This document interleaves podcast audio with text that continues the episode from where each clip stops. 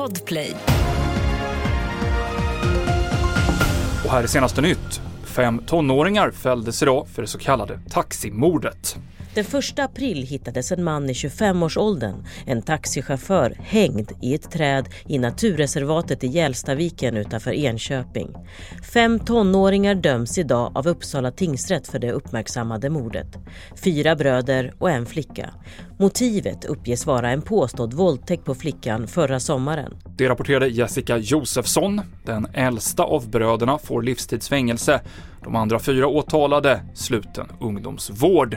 Och du kan läsa mer om det här fallet på tv4.se. Sverigedemokraterna fortsätter vara störst av Tidöpartierna i en ny mätning från DN Ipsos. I den har SD ett försprång på Moderaterna med 5 procentenheter, med 21 procent mot Moderaternas 16.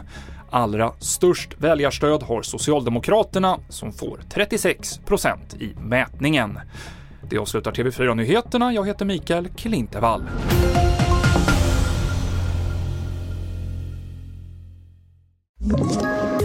Poddtips från Podplay.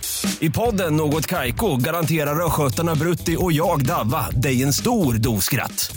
Där följer jag pladask för köttätandet igen. Man är lite som en jävla vampyr. Man har fått lite blodsmak och då måste man ha mer. Udda spaningar, fängslande anekdoter och en och annan arg rant.